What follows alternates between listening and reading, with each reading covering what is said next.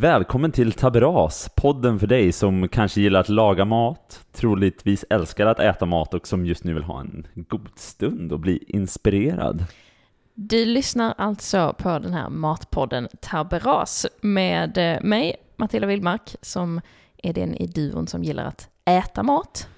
Eh, och mig, Rickard Lindqvist, som då kan laga maten. Välkomna!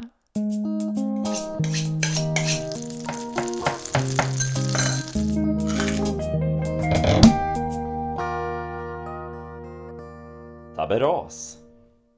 Du lämnar den klippiga sluttningen som lett dig hit bakom dig.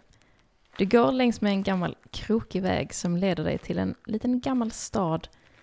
Solen går sakta ner mot klipporna och speglar sig vackert i sjön som du ser framför dig. Vilken sjö? undrar du. Jo, sjön Garda. Det vimlar med folk längs med den stenbelagda sjökanten och det finns nästan lika många restauranger som människor. Då känner du det. En doft av vad som bara kan beskrivas som en italiensk mormor. Kryddig men ändå lätt. Fet men ändå frisk. Då ser du den. Vit, krämig, mustig och smakrik. Risotton. Ja, och alltså idag ska vi prata om risotton. Det ska vi göra. Denna fantastiska rätt från Italien. Ja, och det här var ju eh, på ditt initiativ, eh, kan man säga. Ja, det här är ju från, eh, vad, vad ska man säga, en av de första rätterna jag lade märke till när jag besökte Italien för första gången. Och det var då tillsammans med min restaurangskola som jag gick i, i gymnasiet. Vi fick åka då på en skolresa helt enkelt till Garda i Italien. Det känns så himla lyxigt att få göra det.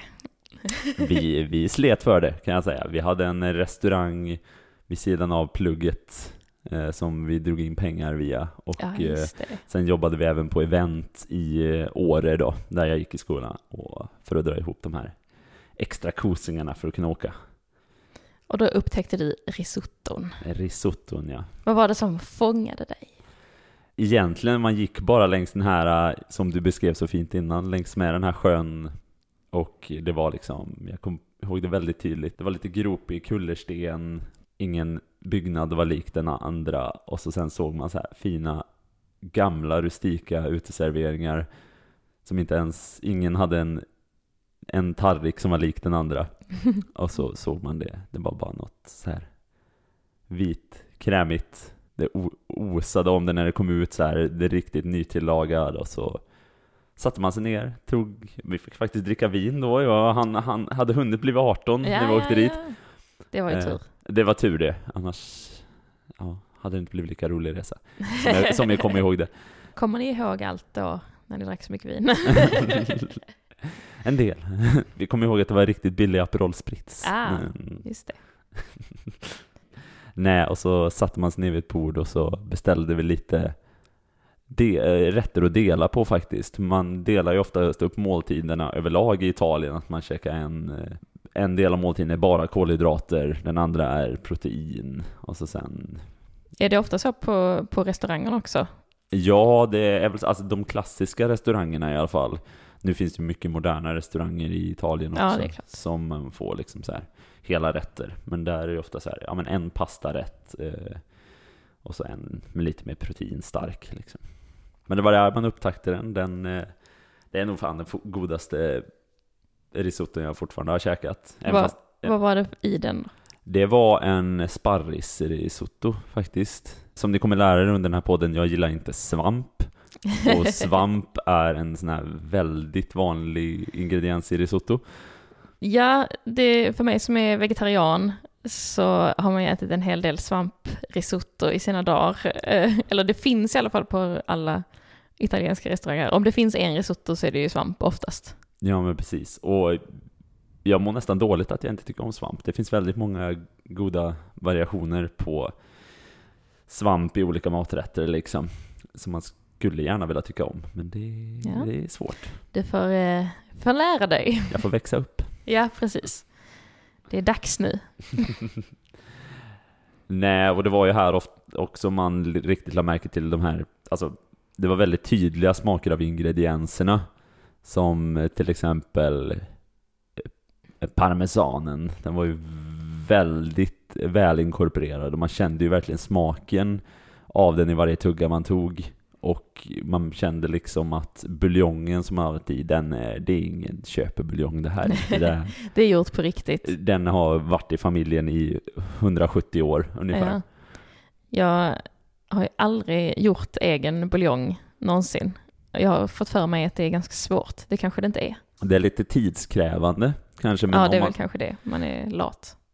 Det hänger ju mycket på det när man lagar mat, att man ofta vill ta genvägar. Men våga göra egen fond, det är, gör väldigt mycket. Och när ni ändå lagar saker, låt oss säga att ni har kvar skankar när ni gör rotgrönsaker, eller om ni har kvar ett skrov av en kyckling, om ni har, brukar göra så här helgrillad kyckling, eller om ni har köpt en helgrillad kyckling på närmaste varuhandel, så använd skrovet till att koka ner och göra en fond av. Ja, det är sånt man inte tänker på. Eller jag inte tänker på. du köper ofta helgrillad kyckling? Väldigt ofta som vegetarian gör man det. det verkligen. Men det, det, är ju bra, för man kan ju tänka ur miljösynpunkt också, att man, det är väl lika bra att använda hela djuret om man ändå ska äta djur. Jo, men precis. Och samma med grönsaken då. Använd hela grönsaken om du ändå ska döda en grönsak. Exakt. Skär huvudet av en, av en morot, då får man fan använda det också. Vad makabert det blev. det blev bara mer makabert för att du sa huvudet på skånska. Men trots att du inte gillar svamp så testade du faktiskt en svamprisotto nyligen. Ja, vi var ju i Danmark nu i veckan. Eh, det när, när det här släpps så kanske det är en månad sedan. Ja, ungefär. Men vi var i Köpenhamn och råkade trilla in på en eh, väldigt nice restaurang. Maple heter den. Eh, Maple Casual Dining. Ja, bara så. Vi hade inget bokat, vi bara googlade lite. Det här ser trevligt ut. Och fan vad trevligt det var. ja, det var, du hade tur också, för vi hamnade precis emellan sittningar och de lyckades ha precis den tiden som vi, som vi lyckades kunna beställa en avsmakningsmeny. Precis, det var, det var inte fel kan man säga. Men där var ju en, eh, eller jag fick eh, risotto i min avsmakningsmeny, eh, för det var istället för kötthuvudrätten som du fick. Mm. Och det var definitivt den bästa risotton som jag har ätit. Ja, vi, vi, smakade ju lite av varandra, men den var fantastiskt bra. Och det var ju ändå en svamprisotto, många olika svampar i, men den var riktigt bra så här, ganska fräsch, inte så tung. Precis, det var det som, eh, som fångade mig i det i alla fall, att den var så himla fräsch eh, jämfört med mycket annat. För oftast blir det ju ganska tungt om det är så mycket ost och jag vet inte, har man, har man grädde i risotto? Nej, eh, nej ingen nej, grädde. det ska man inte ha. Eh, då, då, blir du skjuten av den italienska mormor. Ja, det är tur jag aldrig har lagat risotto då. Men, nej men att det, för att den, det kan ju kännas ganska tungt med risotto ibland, men den var så lätt. Men hur, eh, hur fick de till det, frågar jag dig, eh, fast det kanske du inte exakt vet, men om du får gissa? Jag skulle väl gissa att de tillsätter någon slags citrus i den i alla fall. Ett grundrecept på en risotto är ju egentligen någon form av lök och vitlök som är stekt med ris och så sen eh, häller man på fond och vitt vin egentligen. Ja. Jag brukar köra två deciliter vin mot liter fond ungefär. Okay. Eh, och så sen får man jobba in det här då under tiden. Men jag antar att de då har tillsatt någon slags ytterligare citrus i den här bara för att fräscha upp det hela. Sen såklart har man ju parmesan i då för att få ihop yeah. konsistensen. Parmesan, det är inte fel. Parmesano reggiano. Ja, det, det kommer också märkas eh, ut efter avsnitten här att eh, vi gillar ost. Det det ska vi inte sticka under stol med. Ost är gott. Ost är väldigt gott. det, det är nog någonting jag alltid har i kylen. Jag kanske inte har allt man behöver för att laga rätter, men ost, det finns alltid. Ja, det är samma som mig. Det kan vara ganska tomt i min kyl. Om ni lyssnade på första avsnittet så fick ni höra att saker glöms bort och blir gammalt och sådär. Men ost, ost finns. Men eh, Ska du få komma med lite tillagningstips nu då? Tänker ja. jag. Hur, eh, hur får man till en bra risotto? Vad är liksom, eller vi kan börja med, vad är de vanligaste felen folk gör? Det vanligaste felet är väl att man övertillagar den. Det är väl lite samma som pasta, att man fortfarande vill ha det lite al dente. Mm. Liksom att man ska fortfarande ha lite tuggmotstånd i riset. Sen ska det absolut inte vara som man käkar en riskaka. Men eh, det- är väl det vanligaste felet. Och att man, man får verkligen jobba in det här vita vinet och eh, fonden eller buljongen liksom så att eh, man känner av rätt konsistens. Det ska ju liksom koka in i riset eftersom. Så det kan ju ta upp till en halvtimme, 40 minuter och göra en bra risotto för man får ju, man gör ju allting under konstant tillagning. Ja, det, det känns som att det är det som är det svåra på något sätt. Att man både ska då jobba in det i riset men samtidigt lyckas inte överkoka det. Ja, och här eh, är det ju också viktigt att man smakar av hela tiden med liksom så det inte blir för salt. Det kan också vara ett jättestort problem eftersom man både tillsätter buljong som, eller fond då, som är väldigt salt när man har kokat ner det, eller väldigt smakrikt åtminstone. Och sen kommer man ju ha väldigt mycket just av parmigiano i... Parmigiana. Jag, jag tycker det är go- godare än, vad heter det, Gran Padano. Men det är väl smaksak. Ja, alltså jag, jag kan inte säga att jag på rak arm kan säga vad skillnaden i smaken är på de två. Nej, jag, jag tycker att parmesanen är väl lite skarpare, tycker Mm. jag. Medan Gran Padanon är väl lite mer, jag vet inte, den är, den är mjukare på något sätt. Och jag vill väl ha det lite mer hårt i smaken, liksom. Det ska smaka mycket. Ja. Jo, alltså instinktivt så tänker jag parmesan är bättre. Men, men jag kan inte backa upp det riktigt. Det är mest det. De, bra marknadsföring för Ja. eh, parmesan. Precis. Instinktivt bättre. ja, exakt. Nej, och så sen, alltså som jag sa i förra av, avsnittet också, våga smaka av. Alltså den perfekta konsistensen för mig i en risotto behöver inte vara perfekta konsistensen för er. Man kan gilla den lite, alltså den har lite mer tuggmotstånd, man kan gilla den när den är lite mer, som jag skulle kalla det, grötig liksom. Men det är, jag vet att det är många som tycker om det.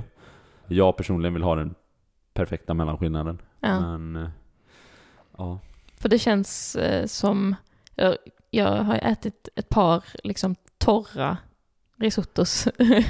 Vad, hur avhjälper man det? Är det bara liksom på med mer fond då om den börjar bli för ihopkokt? Säger man så? Ja, ja, precis. Alltså en risotto ska ju aldrig vara torr, så jag vet, jag vet inte riktigt hur folk lyckas med det, om jag ska vara helt ärlig.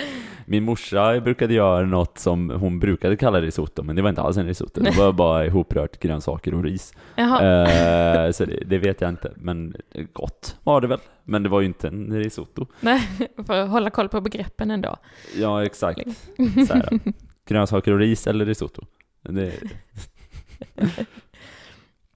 ja, nej men jag skulle väl bara, om du känner att risotton börjar bli torr, fast den ändå är färdiglagad, men tillsätt lite mer. Jag, jag skulle inte tillsätta kanske just vin innan den serveras, för då kan det bli väldigt skarpt av just vin och alkohol.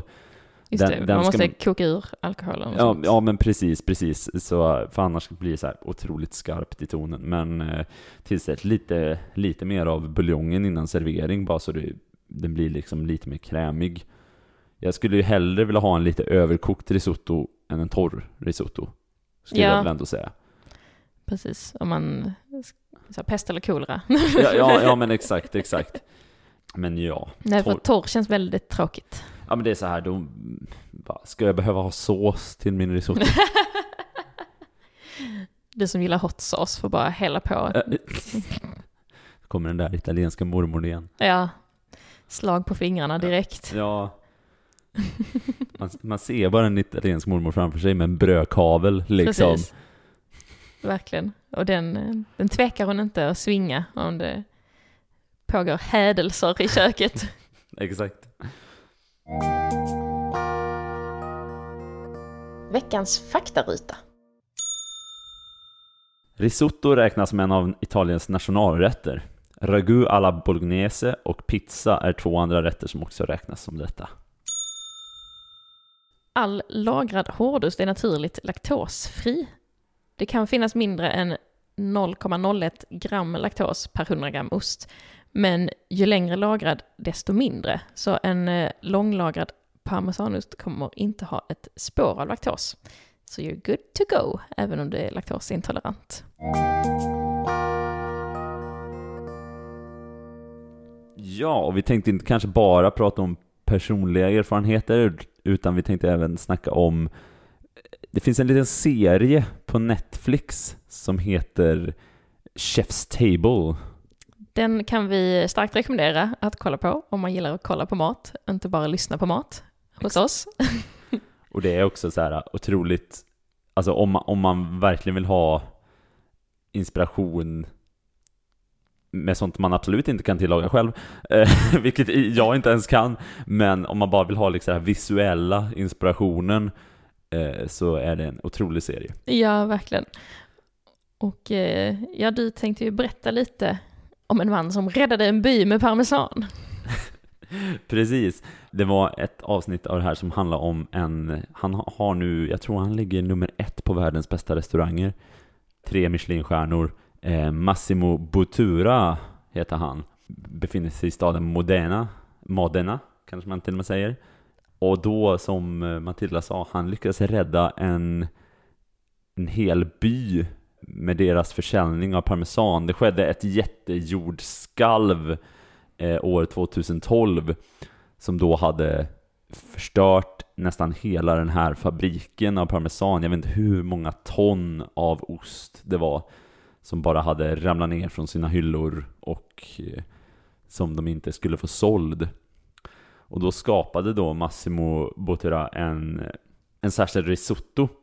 Den kallades ju då risotto cacio e pepe och det betyder egentligen bara risotto, ost och peppar.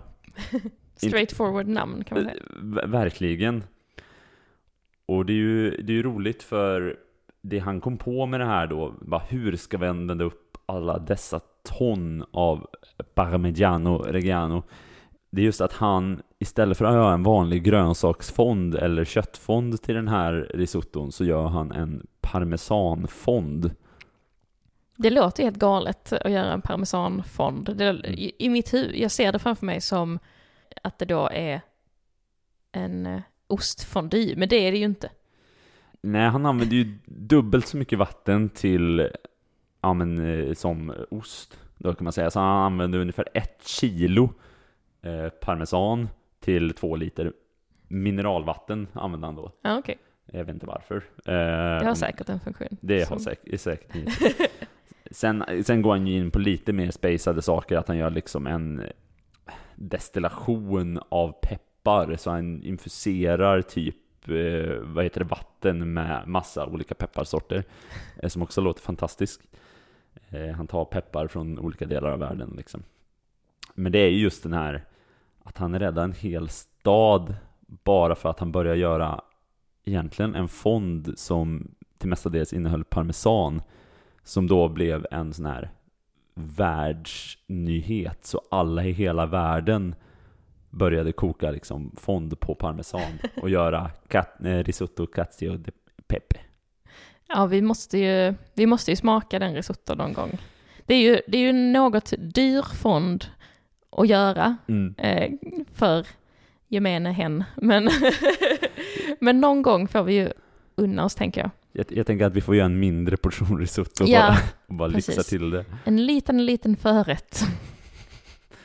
Men, och det här lagret i den här lilla lilla, eller lilla parmesanfabriken säger jag, det var en ganska stor parmesanfabrik. Det sålde liksom slut på någon månad. För att hela världen bara wow, det här är det bästa vi någonsin har ätit. Det, det är starkt jobbat, får man säga, av honom. Bara rädda en fabrik Ja, men, eh, med li- ett recept. liksom politiker till all ära, men ge, ge ett, ett recept från en mästarkock så rä- räddar han en by. Precis. Det, det är liksom, det kan inte bli så mycket mäktigare så. Nej, det kan det faktiskt inte. Men så här lite avslutningsvis så kan vi bara sammanfatta då. Kort, eh, korta tips då. Hur fick man egentligen till en bra risotto om man vill testa själv. Ja, som sagt den ska ju inte vara överkokt. Det kan väl vara summan av kardemumman egentligen. Men jag brukar börja med lite schalottenlök, för den är lite mildare. Steka upp den lite, eller bryna den. Den ska inte bli brun, men den ska få lite färg. I gärna en bra olivolja. Någon extra virgin i alla fall, så den är lite finare i smaken. Eh, sen ska man ju ha risottoris. Det finns ju så här av, vad heter det, aviori-ris och sånt som man gärna Mm. använder just till risotto. Ja, man ska inte slänga sig med något jasminris där inte, men det är kanske inte så många som tror heller. Förhoppningsvis. Nej, för, förhopp, förhoppningsvis så eh, det finns re- recept online, då står det ofta vilket ris Ja. man ska använda. Men använd inte jasminris. Torrt, vitt vin. Om man tar de lite sötare varianterna så kan det gärna bli så här eh, lite fruktigt på fel sätt kan man säga. Man vill ju ha väldigt mycket syra som då lyfter rätten istället för att den blir, om man använder söta viner så kan det gärna bli lite jolmigt. Ja, Så här, tänk att det kommer vara ganska mycket fett i den här rätten. Eh, Det går ju ofta åt typ en deciliter olivolja i det här. Och fett möts väldigt bra av syra.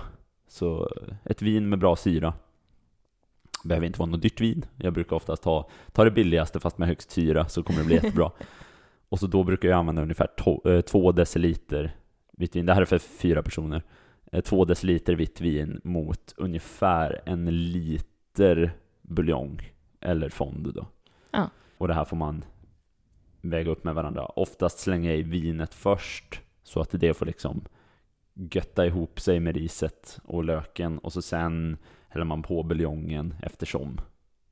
Ibland går det inte åt en liter, ibland går det åt en liter. Man får som sagt var smaka av.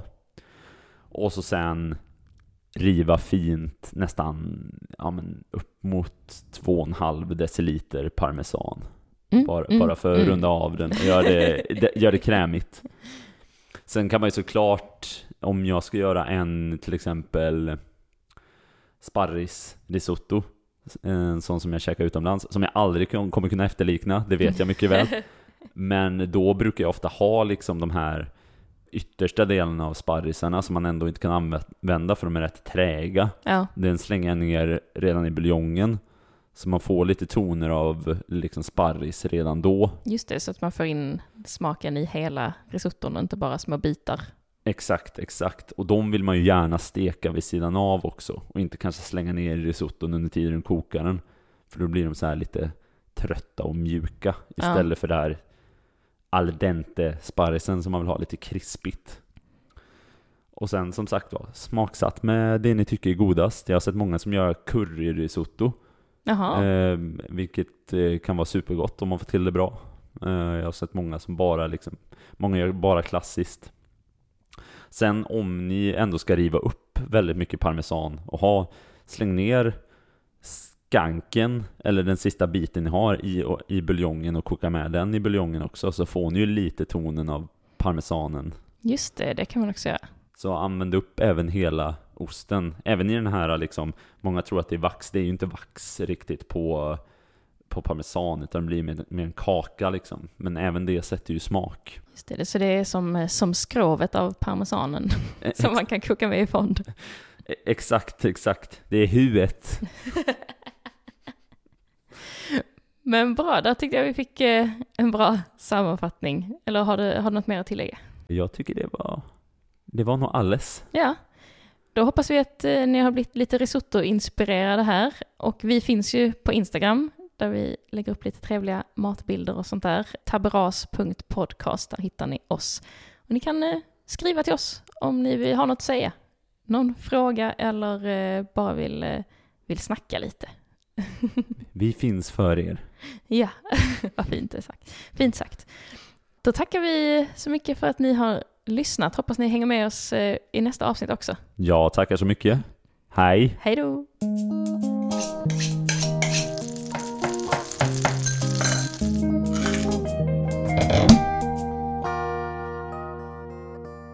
Taberas.